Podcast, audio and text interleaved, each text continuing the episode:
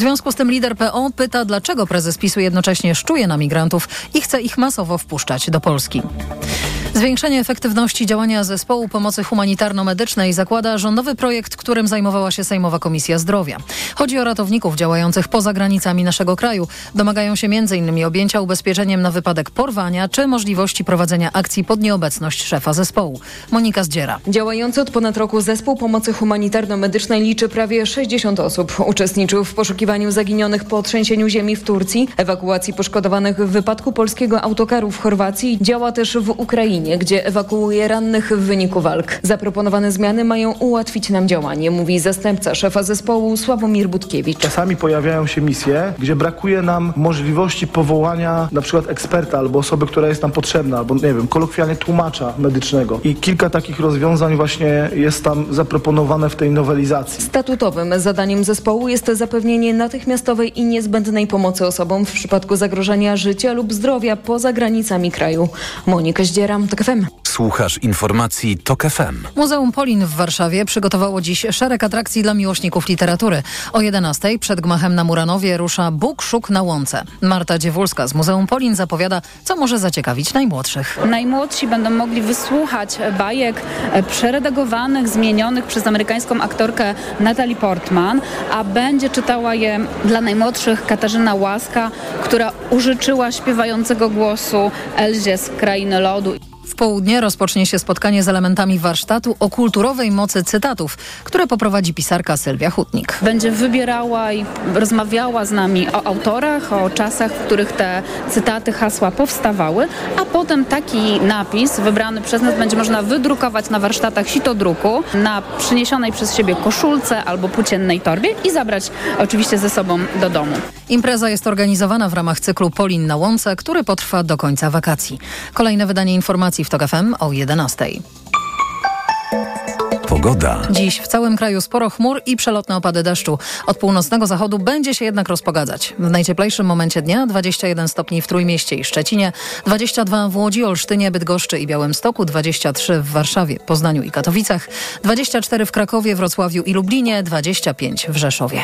Radio TOK FM. Pierwsze radio informacyjne. Nagłe zastępstwo.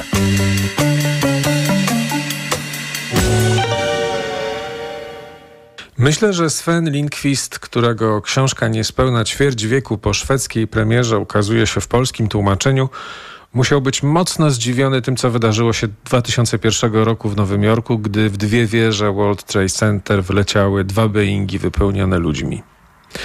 Już nie żyjesz. Historia bombardowań, bo taki tytuł nosi jego książka, nie przewidywała bowiem scenariusza, w którym śmierć z powietrza, a o tym traktuje ten esej, staje się nie tyle konsekwencją technologicznego rozwoju sterowanego przez rządy, sztaby generalne czy inne wojskowe struktury, lecz raczej konsekwencją oddolnej pomysłowości, tak samo brutalnej jak ta imperialna. Linkwista tymczasem najbardziej interesował imperializm właśnie, ten jednobiegunowy świat, w którym dominowały Stany Zjednoczone sprzężone z postkolonialnymi postmocarstwami Europy Zachodniej.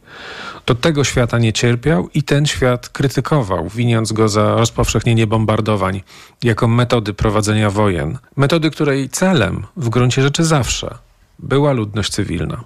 Choć i tu był sprawiedliwy. Mocno podkreślał, że to doktryna brytyjska, nie amerykańska, usprawiedliwiała naloty dywanowe i od początku akcentowała konieczność niszczenia całych miast z ich mieszkańcami na czele. Amerykanie pragnęli posługiwać się inną logiką, zawężać obszar interwencji tylko do tak zwanego teatru działań wojennych, wyłączając zeń obszary zamieszkane przez cywilów. W tym sensie 11 września mógł być czymś na kształt połączenia obu strategii. Zaatakowano cywilów, ale uderzenie miało charakter punktowy. Chodziło o zniszczenie symboli, o złamanie ducha, o sianie grozy. Czyli w pewnym sensie to, na co liczyli Brytyjczycy, bombardując Hamburg i Drezno. Ale oczywiście to nie z powodu jakichś archaicznych rozkmin o 11 września ta książka ukazuje się dzisiaj w Polsce, tylko z powodu trwających, niekończących się ostrzałów Ukrainy. Ten antywojenny esej mówi o tym, jak kolejne wojny w nieuchronny sposób stają się coraz bardziej okrutne od poprzednich, jak stawka w nich rośnie, także stawka zastraszania i testowania nowych broni. W kwestiach regulacji Linkwist był pesymistą. Jeśli coś zostało wytworzone, to prędzej czy później zostanie użyte, tak jak napalm. A jeśli zostanie raz użyte, to pewnie można się spodziewać, że ktoś zechce użyć tego ponownie, tak jak bomby atomowej. Ten pesymizm nie jest jednak wolny od uproszczeń. Można, tak jak Linkvist, pisać o cudzie deeskalacji w czasie zimnej wojny, ale może nie było żadnego cudu. Może jednak zwycięża kalkulacja i mrówcza, nieciekawa dyplomacja. I to właśnie za sprawą tych mało spektakularnych środków konflikty, nawet jeśli angażują kraje wyposażone w broń jądrową, ciągle nie skłaniają do jej użycia. Książka Linkwista czytana dzisiaj w Polsce, dwie dekady od premiery, każe jednak i to jest jej największa wartość patrzeć na fantazję o wygranych wojnach z nieufnością. Niezależnie od tego, kto wygra, niezależnie od tego, jak się cała rzecz potoczy. Moja dzisiejsza rozmówczyni, i myślę, że słusznie, łączy ten fakt z wielowiekową stabilnością szwedzkiej rzeczywistości. W tym kraju Linkvist jako dzieciak mógł się przerazić wizją bombardowania, ale jej nie doświadczył. Nie ziściła się, co pozwalało mu patrzeć na konflikty zbrojne w sposób inny niż ten, który jest dostępny mieszkańcom Warszawy. To ten rodzaj antywojennego namysłu, który każe widzieć koszta po obu stronach, co jest perspektywą może i słuszną moralnie, ale niewątpliwie pomijającą wściekłość tych, których napadnięto. W antywojennym sprzeciwie Linkwista nie ma pogłębionej świadomości tego, co rodzi się w umysłach, a potem także w kulturze. Tych, których przyszłość została przez konflikt zbrojny na wiele lat określona. Tych strat nie uwzględnia. Czytanie tej książki dzisiaj przynosi jednak także inne, kto wie, czy nie ciekawsze odkrycia. Myślę na przykład, że gdybym przeczytał ją 20 lat temu, byłaby dla mnie Biblią. Zachwyciłaby mnie jej pokraczna, poszatkowana struktura, stylizowane na grę w klasy, strategie czytelnicze, do których Linkwist zachęcał, a z pewnością odkrycia w rodzaju zawsze najbardziej cierpią ci, których nazwano dzikimi oraz kobiety i dzieci, nie zalatywałyby tandyciarskim, poplewackim smrodkiem, tylko być może niosłyby właśnie treść rewolucyjną. Bo i też prawda, nikt wtedy tak w Polsce nie pisał. W Polsce, w której podówczas stękało się na zmarłą już komunę i biegło ku jutrzęce Unii Europejskiej, nie bardzo łapiąc wątki poboczne w rodzaju amerykańskiego imperializmu, postkolonialnych struktur działania czy czego tam jeszcze. Z pewnością, gdybym ją wtedy przeczytał, nie wiedziałbym, co z nią zrobić, ale tym samym mogłaby stanowić twórczy wstrząs. A czy może być nim dla kogoś dzisiaj? Osobiście obawiam się, że nie, ale to jest tylko być może efekt uboczny pop-katechizmów małego lewaka, których w tak zwanej mojej banieczce doświadczam do przysłowiowego omdlenia. Zapraszam do wysłuchania rozmowy o Svenie Lindkwiście i jego widzeniu świata. Nagłe zastępstwo. Jakub Janiszewski, a z nami jest Katarzyna Tubylewicz, pisarka, publicystka, znawczyni literatury szwedzkiej i tłumaczka tejże literatury. Będziemy dzisiaj rozmawiali o książce Svena Lindkwista Już nie żyjesz.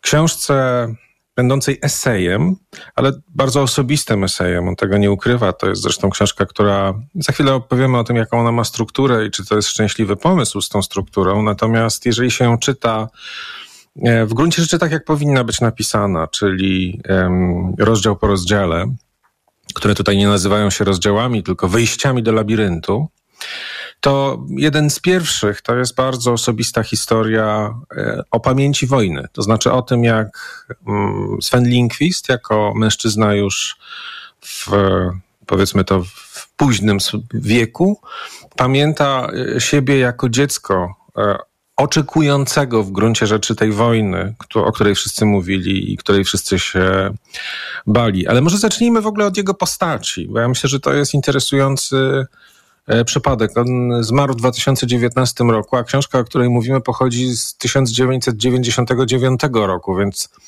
dość zamierzchłe czasy, prawie ćwierć wieku temu napisana, co nie znaczy, że straciła na aktualności. Ale jak się myśli dzisiaj o tym, co robił Linkwist? Polscy czytelnicy mogą go znać. On napisał parę takich rzeczy dość głośnych, które były tłumaczone na polski. To nie jest bynajmniej pierwszy tytuł, ale przywołajmy jakoś jego sylwetkę. E, tak, on polskim e, czytelnikom na pewno w pewnym przynajmniej momencie e, jakoś tak wyraźnie zaistniał książką Wytępić całe to bydło, dlatego że to jest książka, która nawiązuje do twórczości Józefa Konrada, a tak naprawdę konkretnie do jądra ciemności i do jednego zdania w tej książce, które właśnie brzmi Wytępić całe to bydło. I kiedy będziemy mówić o Lindkwiście, to warto wspomnieć, że to był człowiek, który bardzo wcześnie zetknął się właśnie z twórczością Konrada e, i ta książka e, Jądro Ciemności, którą przeczytał jak miał 17 lat, stała się mm, jakiś sposób jego przewodnikiem może moralnym po świecie e, i, i, i taką książką, która określiła go w dużej mierze mm, ideologicznie. Bo w ogóle e, Lindquist, który długo żył, urodził się w 1932 roku, a zmarł w 2019, mm, napisał sporo książek, a jednocześnie mm, był też po prostu e, znanym reporterem piszącym dla Dagens Nyheter, czyli najważniejszego szwedzkiego dziennika. Dzisiaj można o nim powiedzieć, że jest dziennikiem e, liberalnym, ale za czasów, e, w których e, zaczął w tej gazecie pisać Lindquist, a, a, a zaczął pisać nie skończywszy jeszcze 20 lat, mm, to była gazeta bardzo, bardzo lewicowa, której naczelnym była, był legendarny Ulof Lagercrantz e, i e, więc ludzie, którzy pisali dla Dania Sneheter e, byli mm, często no wręcz radykalni w swoich poglądach. I na pewno Lindqvist był taką osobą, był pacyfistą, był bardzo lewicowy, był człowiekiem, mm, który przez całe życie zajmował się przede wszystkim tematem zbrodni kolonializmu i w ogóle takiej ciemnej historii Europy, ale był też bardzo e, wcześnie zainteresowany krytyką mm, kapitalizmu, krytyką konsumpcjonizmu. Dość powiedzieć, że mm, jedna z jego pierwszich książek, którą napisał w 1957 roku, miała tytuł Reklama e, jest niebezpieczna. E, Reklamen er livsfarlig, tak naprawdę livsfarlig to jest taki bardzo niebezpieczny. Mm, I on już wtedy przeciwstawiał się e, takiej, takiemu życiu, w którym chodzi o to, żeby sobie kupić kupić e, nową kanapę. Zresztą właśnie od tematu kupowania nowego, nowej kanapy zaczęła się e, ta książka. To był e, i pisarz, i dziennikarz, który w dużym mm, stopniu zaistniał też na świecie. Mm, jego książki zostały przetłumaczone na 15 języków, to znaczy wybrane jego książki. Przede wszystkim ta, o której będziemy rozmawiali dzisiaj, oraz właśnie wspomniane już przeze mnie, wytępić całe to bydło. Jeszcze Terra Nullius jest taka jego książka, tak. która też swoją sławę zyskała, była przekładana na polski na pewno. Tak, on, on napisał też e, dwie książki e, na temat e, Chin, dlatego że on w 1961 roku wyjechał do Chin e, i m, mm, był później przez dwa lata atasze kultury e, w ambasadzie Szwecji w Chinach, także e, mieszkał dłużej w Pekinie, poznał Chiny, zresztą uważa się dziś, że właśnie Chiny idealizował i, i nie dostał dostrzegł e, zbrodni tam potem popełnianych na. E, to jest ciekawy wątek, myślę, prawda? Znaczy to, co on widzi, to, co, na co ma bardzo baczne oko, a co odpuszcza. I to też widać w tej książce. Książce, która mm, rzeczywiście, tak jak ma w podtytule Historia bombardowań, to jest książka o tym, w którym momencie świat zaczął używać samolotów do tego, żeby w gruncie rzeczy niszczyć miasta, wioski i zabijać ludność cywilną? To go głównie interesuje. Jest bardzo wyczulony w tej opowieści, bardzo ciekawej, na takie dwie rzeczy. Po pierwsze, na idee, które e, krążą w literaturze, na te sny literackie o przyszłości i sny literackie o zniszczeniu. I to jest chyba warto, warte podkreślenia, bo mi się wydaje, że on chyba miał też w ogóle akademicką przeszłość, jeśli tak. chodzi o, o historię literatury i świetnie się w niej orientował. Tak, tak. I on odkryła takie, jeżeli, jeżeli mówisz o tym, jak on analizuje literaturę, to mnie na przykład niesamowicie zaskoczyła wiadomość o jednej z ostatnich e, noweli Jacka Londona, e, która została wydana w 1910 roku i która nosiła tytuł Niebywała inwazja i jej e, tematem mm, była koncepcja tego, w jaki sposób uśmiercić jak najwięcej właśnie Chińczyków, którzy mm, mieli być odrażającym oceanem życia życia, e, zalewającym świat. I to jest taka, w ogóle dla, ja, ja swego czasu bardzo lubiłam twórczość Londona i w ogóle nie kojarzyłam go z tego typem, z tego typu um, książkami, a właściwie opowiadaniami. A tu się okazuje, że nawet on snuł jakieś takie wizje mordowania dzikich, bo kiedy mówisz o, mm, o takim właśnie ideologicznym e, hmm, nachyleniu może w jedną stronę, czy zwróceniu w jedną stronę Lindquista, to ja myślę, że tu ma ogromne znaczenie po pierwsze jego wielka lewicowość i antyamerykanizm, a także... Nawet powiedział antyimperializm, prawda? Bo to, to jest to hasło. Krytyka Wielkiej Brytanii jak najbardziej, tak. E, to, to jest charakterystyczne dla jego pokolenia, zwłaszcza e, intelektualistów e, szwedzkich tamtego czasu, to, to, to, to byli e, tacy ludzie. On zresztą bardzo wcześnie zetknął się z krytyką e, właśnie kolonializmu, polityki kolonialnej, bo już jako dziesięciolatek czytał książki o kolonizowaniu Kongo.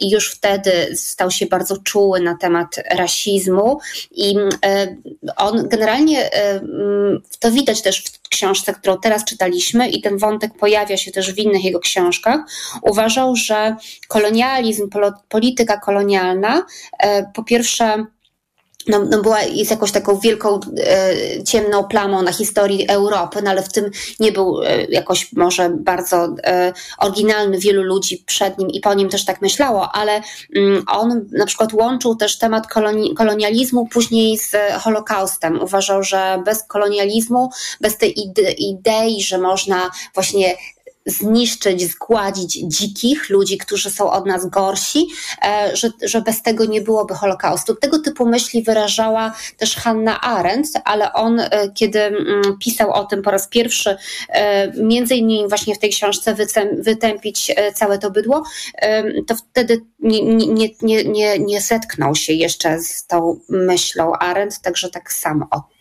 to sobie. Czyli można powiedzieć, że in, inną ścieżką do tego samego wniosku doszedł. Tak.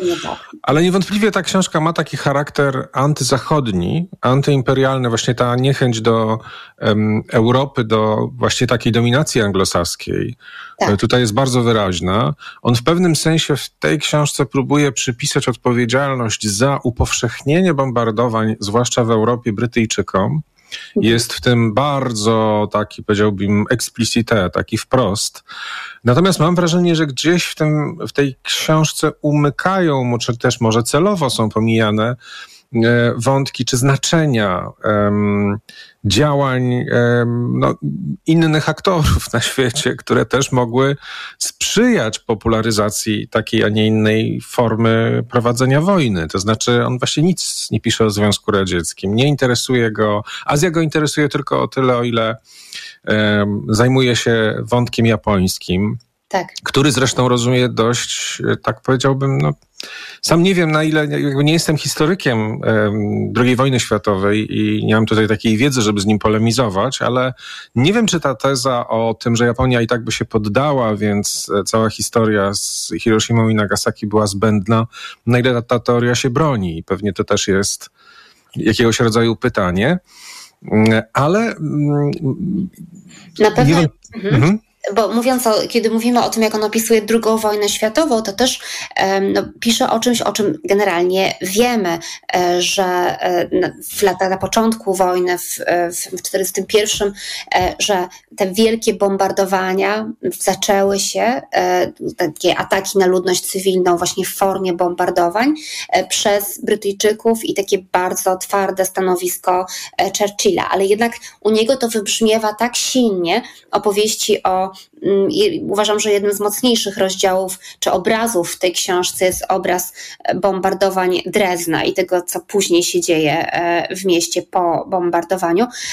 On tutaj moim zdaniem mm, też jest dosyć e, radykalny, albo przynajmniej no, taki niepoddający się tej narracji zwycięzców, bo mam wrażenie, że, że, że pisze wręcz więcej tutaj o ofiarach cywilnych właśnie e, po stronie niemieckiej niż e, po drugiej stronie. Że... Niewątpliwie to, jest, to są takie dwa rozdziały, ten e, Hamburg oraz Drezno, które najbardziej zostaną z czytelnikiem. To znaczy, to są takie opisy scen, o których my oczywiście słyszeliśmy o bombardowaniu Drezna, wszyscy słyszeli, prawda? I wiemy, że to był jakiś taki bardzo mroczny epizod w II wojnie światowej, ale nie, nie mamy opisu, który przywołuje tak bardzo e, znaczenie tego faktu i, i, i, użycia tej broni dla ludności cywilnej. Jego to interesuje.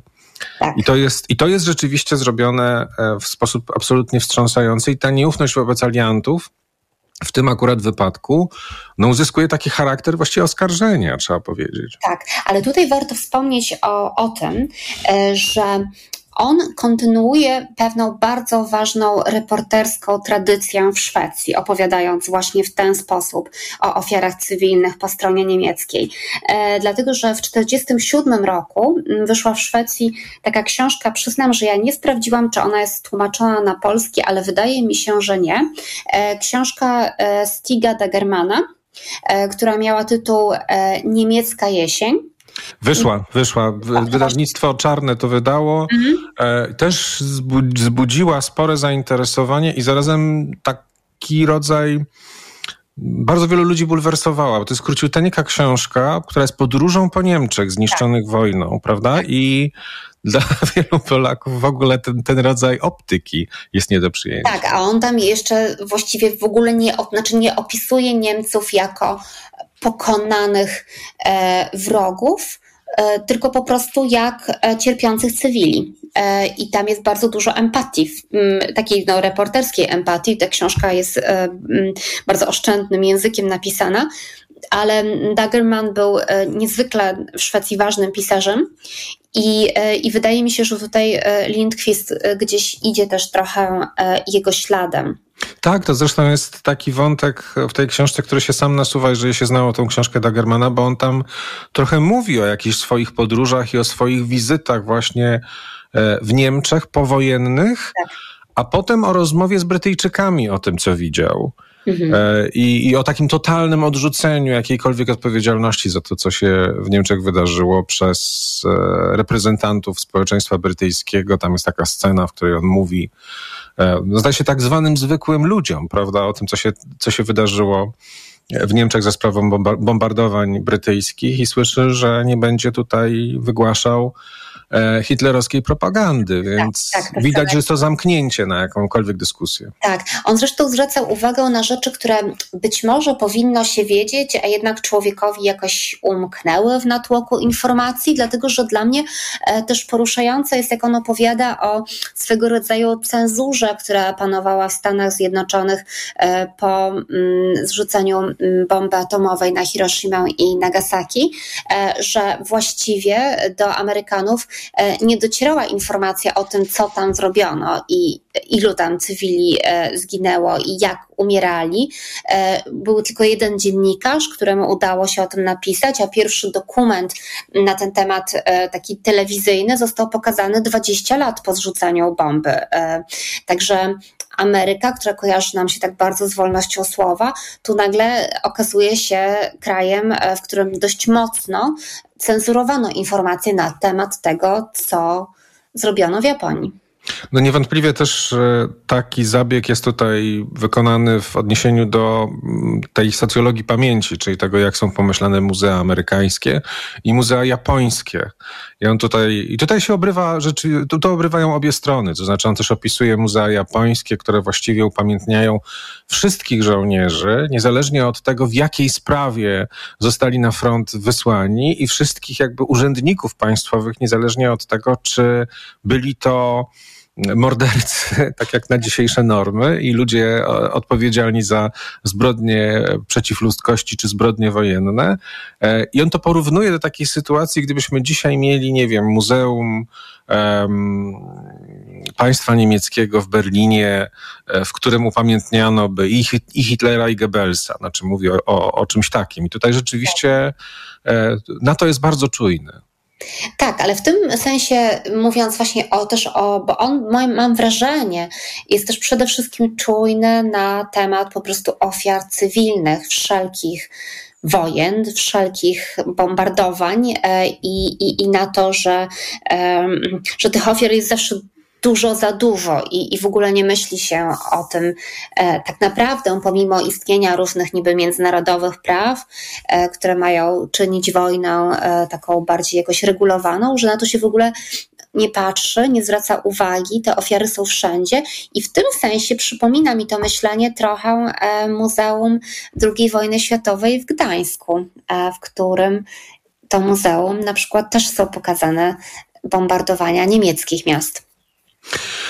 Niewątpliwie. Myślę, że warto tutaj się w ogóle zatrzymać nad tym, jak on pisze, jak on tą narrację konstruuje, bo to jest y, o tyle niezwykłe doświadczenie. My cały czas mówimy o nim reporter, reporter. Gdzieś tu się przewinęła ta historia z jego jakby świadomością literacką, która jest imponująca, bo on rzeczywiście, tak jak wspomniałeś, wygrzebuje takie tytuły, które są zapomniane, czyta je krytycznie, y, streszcza je. Właściwie ta książka jest co najmniej w jednej czwartej streszczenie rozmaitych dzieł literackich, tak. które obrazują czy fantazjują właśnie o użyciu broni, czy to broni, która neutralizuje cały świat, czy może nawet zabija cały świat, gdzie zostaje tylko dwójka ludzi, albo prawie nikt nie zostaje, zostaje jedna osoba, czyli takie fantazje o końcu świata, albo fantazje o końcu jakiejś cywilizacji, czyli o tym, że e, właśnie ta Europa czy te Stany zabezpieczą sobie byt przez wybijanie Azjatów, gdzie, zwłaszcza Azjatów, gdzie tutaj udaje się fantazjować o jakiejś broni, która miałaby być jakby skalibrowana genetycznie, można by tak powiedzieć, czy etnicznie. I on to wszystko robi. To jest o tyle niezwykłe, że kiedy my słyszymy w Polsce hasło książka reporterska, to, mm, to nam się w ogóle nie nasuwa. To znaczy tak głęboki research, tak, właśnie ta książka jest cała researchem. To, jest, to są długie godziny, dni, miesiące przesiedziane w bibliotece polegające na takim bardzo pieczołowitym przesiewaniu tych informacji, przesiewaniu tych właśnie tych fantazji zbiorowych o śmierci e, całych e, miast czy całych, całych e, nacji. I to jest coś, czego w ogóle się w Polsce nie robi. Ja mnie, mnie zaciekawiło właśnie, kiedy czytałem tą książkę, na ile to jest szwedzkie podejście do dziennikarstwa dziś, czy do takiego reporterstwa mm, z wysokiej półki. Jak ty to widzisz? Znaczy, polski reporter by w dwa tygodnie trzasnął książkę, pojechawszy na wakacje gdzieś na rzeczone dwa tygodnie i, i za miesiąc by była. Była nieprawdopodobnie wprost słaba, ale by była. I takich książek słabych, reporterskich mamy po prostu zalew. E, I kiedy się bierze nagle do ręki coś, co zostało przetłumaczone z literatur in, inszych, no to człowiek przeżywa taki moment zażenowania, to znaczy takiego właśnie co to w ogóle, co, co my w ogóle robimy i czym było e, pisanie reporterskie. No jeszcze nie tak dawno temu, no, tak jak powiedziałem, ta książka jest z 99 roku, co też wiele tłumaczy. Ja myślę, że do tego też za chwilę przejdziemy. E, ale ciekawi mnie właśnie, co się wydarzyło na przykład z pisaniem reporterskim takich poważnych książek, czy w zamiarze poważnych w Szwecji? Czy tam też dominuje taka tandeta jak u nas? Po pierwsze, reportaż jest dużo mniej e, popularnym gatunkiem e, w Szwecji. To, to, znaczy, Szwecja ma z jednej strony bardzo interesującą tradycję reportażu i co jakiś czas pojawiają się tutaj naprawdę takie książki, które, no takie właśnie jak e, ta, o której rozmawiamy, ale tego reportażu pisze się mniej i być może dlatego e, on miewa taką jakość. Ale zwróć uwagę na jeszcze jedną rzecz, która jest charakterystyczna, a nawet dwie rzeczy e, dla tej książki, że on wielokrotnie pozwala sobie w niej, o czym już wspominałeś, też na takie opowiadanie o sobie samym, o bardzo, na bardzo dużą otwartość, taką prywatną, wspomnienia dzieciństwa, gdzieś tak tłumaczenie, gdzie on sam także w pewnym sensie jest ideologicznie. Mm, to jest coś, co moim zdaniem jest bardzo uczciwe w reportażu i czego w reportażu powinno być bardzo dużo, a co się w Polsce z jakiegoś powodu usilnie tępi. E, i uważa się, że jeżeli reporter, dziennikarz e, pisze coś o sobie, o swoich odczuciach albo nie daj Bóg o swoim dzieciństwie, e, to to właściwie jest błąd w sztuce.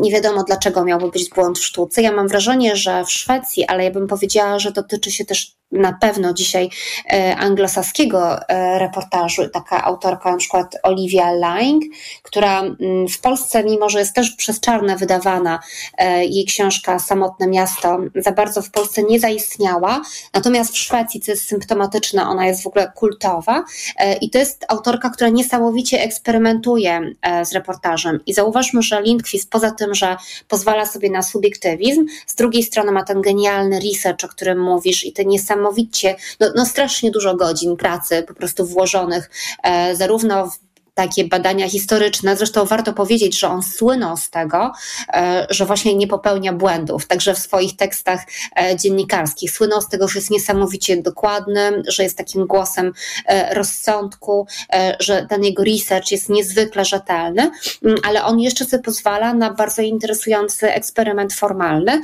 Mm, te, te, te, te 400 króciutkich rozdziałów, które można czytać albo rzeczywiście po kolei, albo jak on sugeruje, próbuje skakać pomiędzy tymi labiryntami. I, to za chwilę do tego przejdziemy. Ja jeszcze tylko się odniosę do tego, przerwę ci, bo tak. odniosę się do tego, co powiedziałaś o tym e, autorskim głosie.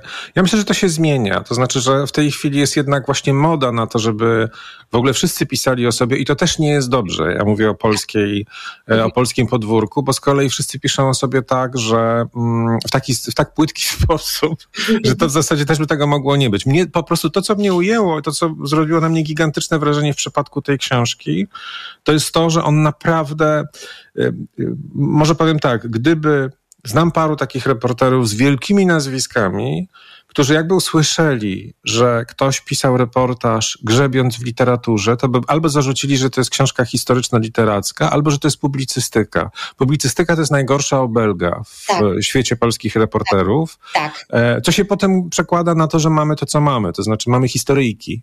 Historyjki, które są bez kontekstu i bez sensu bardzo często. Tak, ale właśnie tutaj dlatego wspomniałam też o tych eksperymentach formalnych, do których dojdziemy i o tym jego autobiografizmie, co do którego masz rację, że to też się pojawia w Polsce, że wydaje mi się, e, że on ma pewną odwagę pisania dokładnie tak, jak chce, a w Polsce nawet, to, bo to jest dosyć ciekawe, że mówisz, e, że e, w ogóle włączanie na przykład w reportaż eseju, włączanie w reportaż takiej narracji, która jest opowieścią o innych książkach, też jest traktowane jako jakieś, no nie wiem, łamanie praw gatunku. Ja osobiście uważam, że w Polsce mm, w tym, jak się pisze reportaże, jest szalenie dużo schematyczności, o której wspomniałeś, co przekłada się też na mm, przyjmowanie jakichś takich różnych pus e, i, i taki trochę pewien rodzaj e, powtarzania się e, i, e, I to gdzieś tam zaczyna się, moim zdaniem,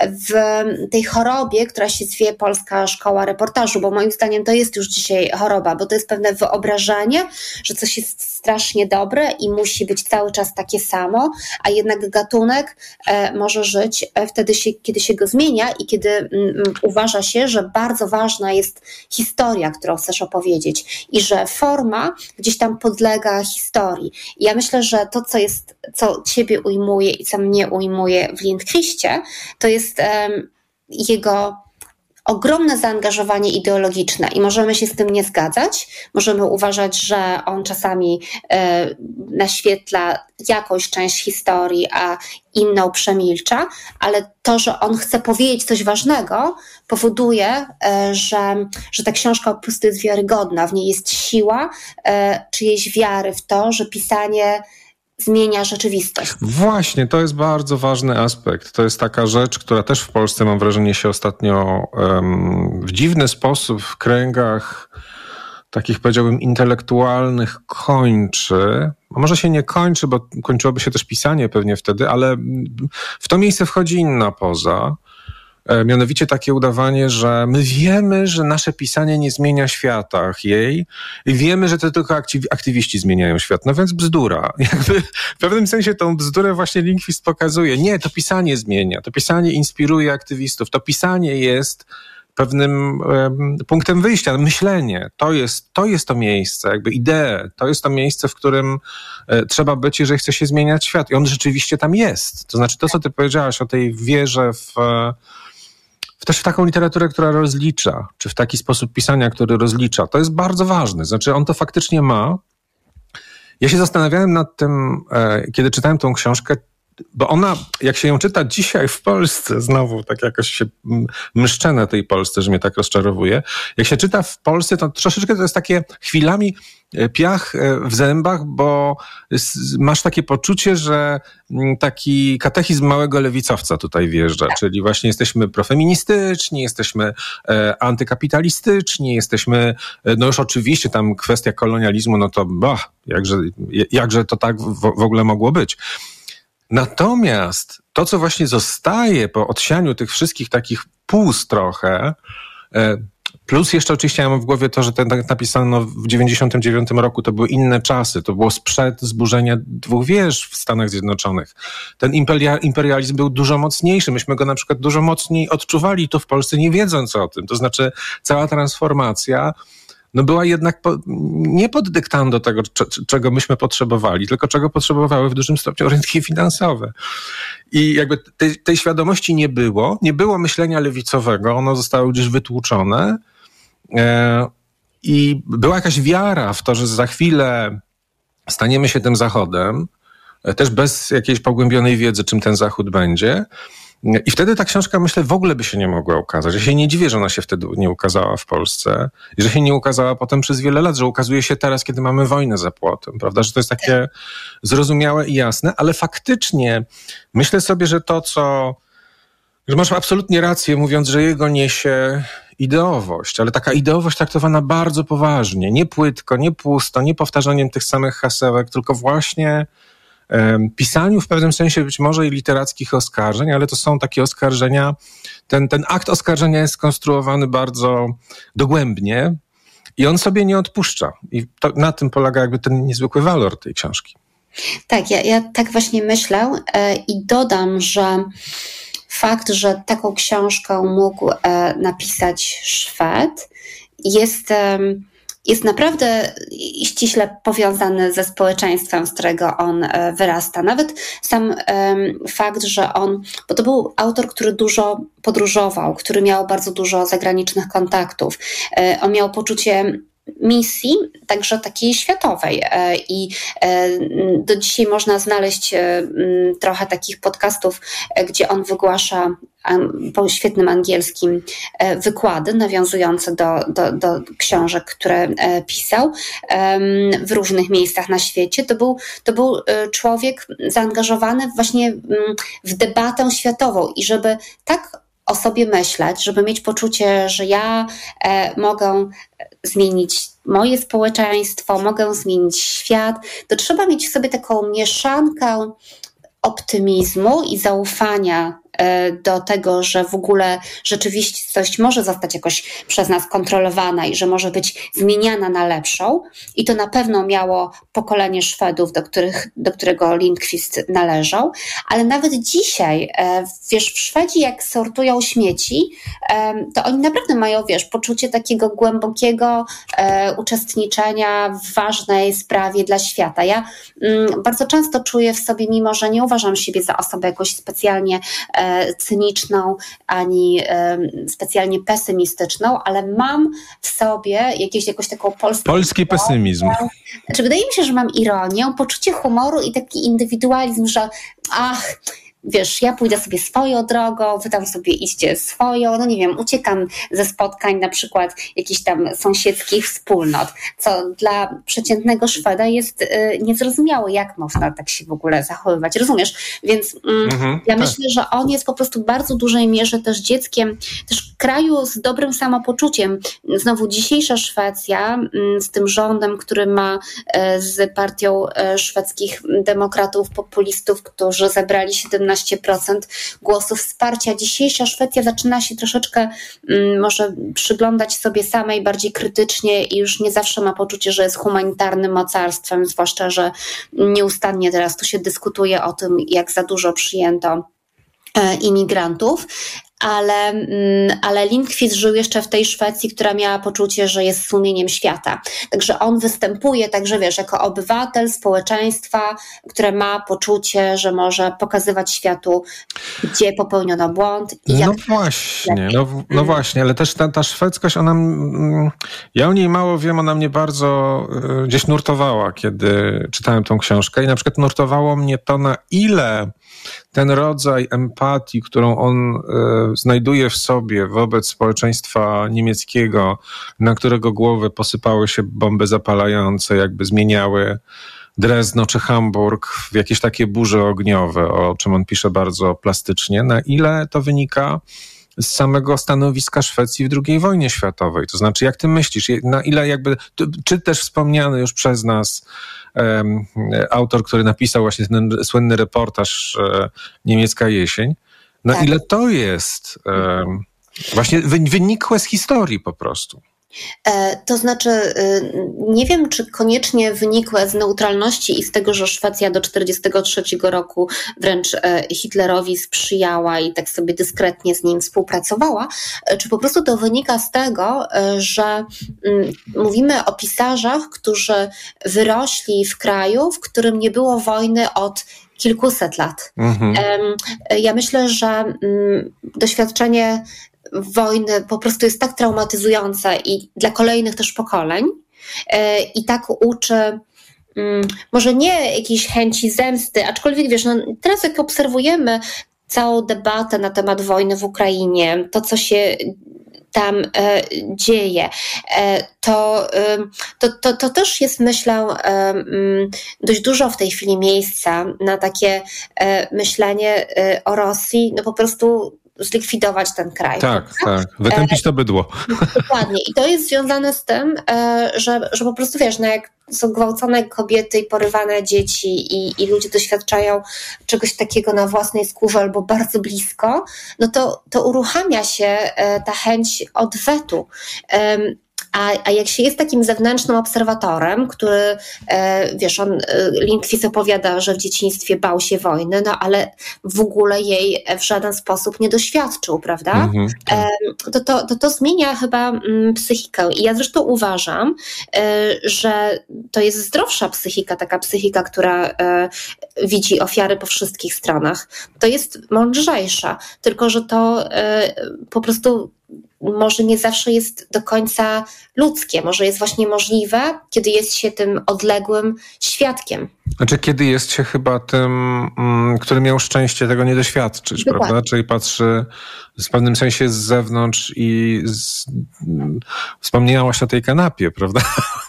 No właśnie z kanapy. Znaczy, to jest jednak tak, że faktycznie tak sobie teraz pomyślałem, teraz jak to zaczęłaś mówić, że Lindqvist może tak pisać o bombardowaniach, ponieważ to się nie wydarzyło. To był pewien lęk, który on przeżył.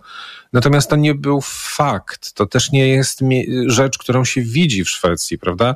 Tak. Wychodzisz na ulicę w Warszawie i wiesz, że to miasto zostało zbudowane jakby na gruzach, prawda? Tak, I to jest zupełnie inne doświadczenie. Zupełnie, zupełnie, wiesz, słuchanie dziadków, czy, czy wiedza o tym, że dziadkowie nie opowiadają, ale, ale pamiętają różne straszne rzeczy. My jesteśmy e, po prostu mm, w zupełnie innym punkcie egzystencjalnym już na początku naszego życia, kiedy rodzimy się w kraju silnie doświadczonym wojną. Tak. Znaczy to jest to właśnie to jest takie doświadczenie zamknięcia pewnego. To znaczy, że czujesz, że coś się stało i że nie do końca jest przestrzeń, żeby tam zaglądać z wielu powodów. To znaczy, nie chcą tego ludzie, którzy to przeżyli, nie chcą do tego wracać i nie powinno się tam grzebać. Czyli czujesz, że jest jakiś garb traumy na nas wszystkich, ale nie do końca wiemy, z czego on się wziął. I potem mamy takie późne fascynacje, jak teraz. Myślę, że tak jest w Polsce, że taka późna fascynacja wojną, drugą wojną światową, Holokaustem, jakby sytuacją Żydów, to jest w pewnym sensie to, że no zajęło nam to te parę pokoleń, żeby się w ogóle przyjrzeć temu, e, czemu, temu czemuś, czym był Holokaust. Ale myślę, że to jeszcze nie jest koniec, że jeszcze, jeszcze parę rzeczy trzeba będzie napisać o tym. Tak, a poza tym pamiętaj o jeszcze jednej rzeczy, e, że kiedy mówimy o e, koloniach, e, o państwach centrum i państwach peryferyjnych, e, wykorzystywanych, to tak naprawdę Polska wraz z całą Europą Wschodnią czy Środkowo-Wschodnią, jak to zwał, tak to zwał, w pewnym sensie ma też doświadczenie bycia mm, krajem po pierwsze peryferyjnym, a po drugie, mm, no, są tacy socjologowie, jak na przykład ich historycy, jak nieżyjący już Immanuel e, Wallerstein, Amerykanin, mm. który twierdził, e, że zanim powstały kolonie w krajach Azji czy Afryki, to imperializm przetestowano w Europie w XVI tak. już wieku, kiedy rodził się kapitalizm i że wtedy właśnie tymi kolonizowanymi krajami były te kraje, które produkowały zboże i w których była pańszczyzna, do tych krajów należała Polska i, i produkowano te, to zboże na sprzedaż już gdzieś gdzieś w świat, co wzmacniało jeszcze bardziej pańszczyznę, prawda? W Polsce ta tematyka tego naszego niewolnictwa, naszego wykluczania, to jest coś, co, nad czym się w tej chwili dopiero zaczyna zastanawiać i pracować. Świadomości w Europie tego nie ma w ogóle mam wrażenie, takiej powszechnej świadomości.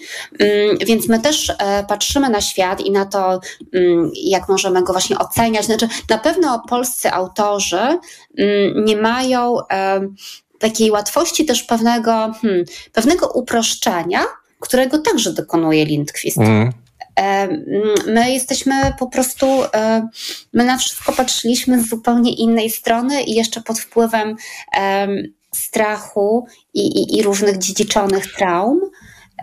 I, i, I, bardziej może fragmentarycznie widzimy rzeczywistość i nie mamy takiej pewności, że to my mamy prawo ją oceniać. Ale właśnie, tak, to jest bardzo ważne, co teraz mówisz, że my mamy prawo ją oceniać i że ten reporter ma prawo do różnych rzeczy i ma prawo, i obowiązek ma przede wszystkim myśleć. Że w Polsce właśnie jest taki, taka obsesja, że ten reporter ma nam jakąś bajeczkę przywieźć z fascynującym bohaterem, tak że wszyscy powiedzieli, ojej, jakie to ciekawe, ale żeby broń Boże nie pomyśleli o nic oryginalnego, ani żeby też on nie naruszył żadnej e, takiej no powiedziałbym, myślowej struktury, która tutaj gdzieś jest zastana, że ta literatura, ona nie ma służyć temu, co, co służy, czym, czemu służy w przypadku Linkwista, czy jak pewnej odwadze intelektualnej, właśnie intelektualnej. To jest bardziej podróż intelektualna niż jakakolwiek inna. To nie jest, um, to nie jest żadna fascynująca historia o zamorskich krainach, tylko o czymś, co wydarza się bądź może się wydarzyć tu i teraz. To jest, ta jego, to jest ten jego leitmotiv, to znaczy to, że w pewnym sensie, to jest też ciekawe to, co powiedziałaś o optymizmie szwedzkim, bo ta książka nie jest optymistyczna. Ta książka jest cała bardzo pesymistyczna. Właściwie jej wydźwięk jest niesłychanie czarny. To znaczy zmierzamy w stronę coraz gorszych, e, coraz gorszych jakby scenariuszy wojennych. Ciekawi mnie, czy jakby ją czytał e, znawca, czy historyk wojen, czy by to rzeczywiście się potwierdzało, kiedy patrzy na przykład na to, co się dzieje w Ukrainie. Ale myślę, że taka była tyza Linkwista. E, tak, ale moim zdaniem jego optymizm leży tylko w tym, co powiedzieliśmy, że on gdzieś tam e, ma mm, też taką myśl, że jednak można coś zmienić, obudzić coś w ludziach. Czyli Jeśli... siłę pisać, że ma siłę pisać mimo tego. Prawda? E, tak, ale w tej książce jeszcze jest jedna rzecz bardzo e, m, dla mnie ciekawa, że jemu udaje się m, właśnie formą odtworzyć m, taką niesamowitą chaotyczność historii, bo on z jednej strony pokazuje tę historię jako taką maszynerię produkowania coraz lepszej broni, e, która może zabijać coraz więcej ludzi i właściwie te marzenia ludzi u władzy i marzenia niektórych pisarzy krążą wokół tego, jak dokonać jeszcze lepszej zagłady tych dzikich, tych, którymi pogardzamy, ale, ale z drugiej strony, e, jak tą książką się czyta, zwłaszcza jeżeli się ją czyta dosyć szybko, to ona też e, wrzuca człowieka tymi właśnie krótkimi esejami, faktem, że jest ich tak strasznie dużo, jakieś takie poczucie e, takiego przytłoczenia chaosem, w którym jest tak strasznie dużo szczegółów, że absolutnie nie da się ich wszystkich zapamiętać i to, co jedyne się powtarza, no to jest właśnie zabijanie i ta śmierć, która jest zrzucana przez samoloty. To jest prawda, choć tu akurat ja mam trochę mm, zastrzeżeń. To znaczy uważam, że ta forma jest zupełnie niepotrzebna. To znaczy ten dziwaczny sposób ułożenia mm, tej książki, którą on zaproponował, to znaczy z jednej strony, ponieważ to jest książka o faktach, to jest literatura non-fiction, to on e, porządkuje jakby wszystkie materiały, które zebrał i wszystko, co napisał w, takiej, w myśl takiej zasady chronologiczności i to jest ta jedna oś, tylko że tak się nie da czytać tej książki. No bo wiadomo, że ona nie jest o żadna książka historyczna, nie jest tak czysto chronologiczna. Tak można zrobić kalendarium, ale nie napisać esej. To jest jednak o wynikaniu pewnych wątków, czy o pewnych stanowiskach, które się kształtowały w drodze, no i tu rozmaitych e, przetasowań i społecznych, i ekonomicznych, ale też to, co go najbardziej interesuje, w drodze pewnych fantazji literackich, które zyskiwały popularność. E, I on to właśnie, on tego nie porządkuje, tylko to rozsypuje, rozsypuje to na osi czasu. E, i tak nam to niby może sprzedać, ale doskonale wie, że tak się tego nie da czytać, więc narzuca na to tą drugą mapę i mówi, 22 wejścia do labiryntu, każdy akapit ma swój numerek. E, jeżeli chcesz przeczytać tą książkę w sposób bardziej pogłębiony, no to idziesz za kolejnymi numerkami, za kolejnymi akapitami i to już są po prostu zwyczajne rozdziały. I to jest ta zasadnicza, to jest ten faktyczny układ tej książki. Ja uważam, że to jest zabieg bezsensowny, dlatego że strasznie utrudnia czytanie.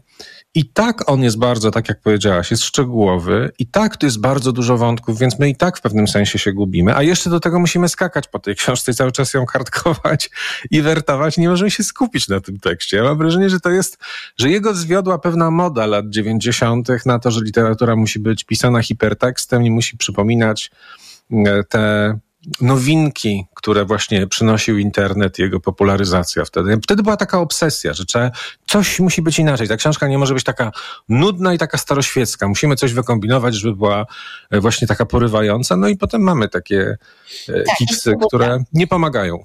Ja się z Tobą zgadzam i muszę powiedzieć, że ja całkowicie zlekceważyłam jego sugestie, w jakiej, w jakiej kolejności to wszystko czytać i jednak czytałam po prostu po kolei te wszystkie rozdziały, a i tak e, po prostu mm, ich nagromadzenie, e, to, to że, e, że to jest tak strasznie dużo informacji, często bardzo skondensowanej, mm, to i tak powoduje, no, no fakt chyba, że pamięta się niektóre rzeczy, niektóre sceny, prawda? Bardzo dużo z tego, co czytamy, jest strasznie ciekawe podczas czytania, ale po prostu ulatuje, bo, e, bo to jest jakiś taki, e, takie przestymulowanie, które myślę w momencie jeszcze jakby się słuchało mm, jego rad, jak podążać e, jakimiś tymi labiryntami wymyślonymi przez niego i kartkować w różne strony tą książką, no to jeszcze mm, to czytanie utrudnia. Ja czytałem właśnie tak, jak on chciał. To znaczy, ja kartkowałem. Bardzo mnie to irytowało, że cały czas muszę kartkować, mhm. ale to jest dużo bardziej ułożony i dużo bardziej logiczny sposób e, odbioru, niż gdybym właśnie zrobił to, co ty zrobiłaś, czyli tak. próbował się przebić przez ten e, kolaż, którym de facto ta książka, tak jak jest ułożona strona po stronie jest. E, mhm. To było dla mnie absolutnie nie do przyjęcia, ale jak już się pójdzie za nim, to faktycznie to są bardzo ułożone, normalne, literackie rozdziały i ten zabieg e, rozsypania tej książki jest moim zdaniem morderczy, no ale tak się wtedy takie wtedy ludzie mieli pomysły i fascynacje. Nie wiem, czy pamiętasz, taka była moda, wydaje mi się, że pamiętasz, bo wszyscy chyba pamiętamy, jak, jeżeli ktoś się interesował humanistyką w latach naszej młodości, czyli późne 90. i wczesne 2000, to na pewno trafią na takie książki, które były bardzo dziwacznie typograficznie rozwiązywane. Na przykład przez środek strony biegnie jakiś taki dziwny podział i pół książki jest na górze, a pół jest na dole i jak dochodzisz do końca, to się musisz cofnąć na początek. Ach, cóż za wyrafinowany zabieg. Mmm, jaki koncept. Bardzo to było drażniące, pamiętam. Tak, dla, dla mnie też takie rzeczy są drażniące. Ja, ja bardzo lubię e, takie po prostu zwykłe czytanie. E, ale, mm, ale nie zmienia to faktu, że, mm, że książka Lindquista bardzo dużo zostawia e, i, e, i czytanie jej właśnie teraz mm, ma głęboki sens, bo no to jest po prostu książka na czas wojny, e, mm, więc myślę, że można ją bardzo, bardzo, bardzo mocno polecić czytelnikom.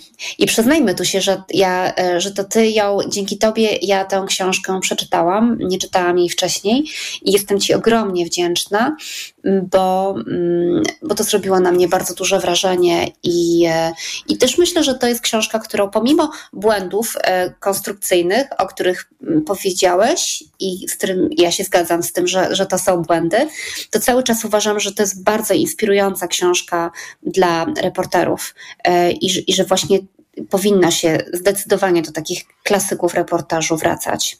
O nie, dla reporterów to na pewno. To znaczy, reporterzy powinni absolutnie czytać jak najwięcej rozmaitych rzeczy, ale nie wiem, czy są tym zainteresowani, tak powiem złośliwie. Jakiś mam zły nastrój dzisiaj. Katarzyna Tubylewicz, pisarka, publicystka i tłumaczka literatury szwedzkiej była z nami. Dziękuję bardzo. Dzięki. Nagłe zastępstwo.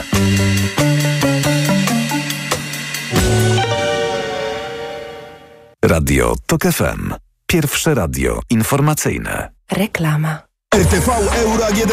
Uwaga! Tylko do środy w euro. Ekstra obniżki. Akcja na wybrane produkty. Na przykład zmywarka do zabudowy Bosch. Najniższa teraz ostatnich 30 dni przed obniżką to 1629. Teraz za 1599 zł. I dodatkowo w tym roku nie płacisz. Do 30 lat 0% na cały asortyment. RRSO 0%. Szczegóły i regulamin w sklepach euro i na euro.com.pl. Siedzi w upale Kasia szczęśliwa. Choć jest gorąco, pot z niej nie spływa. Perspiblock Forte Kasia stosuje, a więc poceniem się nie przejmuje. Suplement diety Perspiblock Forte. Tabletki o wysokiej dawce wyciągu z liści szałwi lekarskiej. Dostępne w aptekach. Plamy pod pachami nie będą kłopotem. Weź Perspiblock Forte i nie martw się potem. Działanie wynika ze składnika produktu. Szałwia lekarska przyczynia się do utrzymywania prawidłowego procesu pocenia. Aflofarm. Nowe niższe ceny w Decathlon wchodzą na stałe. Obniżamy ceny 200 topowych produktów Decathlon, a jakość pozostawiamy tak wysoką jak zawsze. Odkrywaj swój ulubiony sport w sklepach Decathlon i na decathlon.pl. Emocje, dynamika, styl. Wystartowała ekskluzywna kolekcja Ferrari już na stacjach Shell. Zbierz cztery niepowtarzalne, sterowane za pomocą smartfona modele i zacznij wyścig. Więcej na shell.pl. Wyborcza kocha Szymborską. Czy rozważałaby nie przyjąć Nobla? Co widziała w najzwyklejszych przedmiotach? I dlaczego Włosi mają na jej punkcie bzika? Setna rocznica urodzin Wisławy Szymborskiej. Czytaj dziś na wyborcza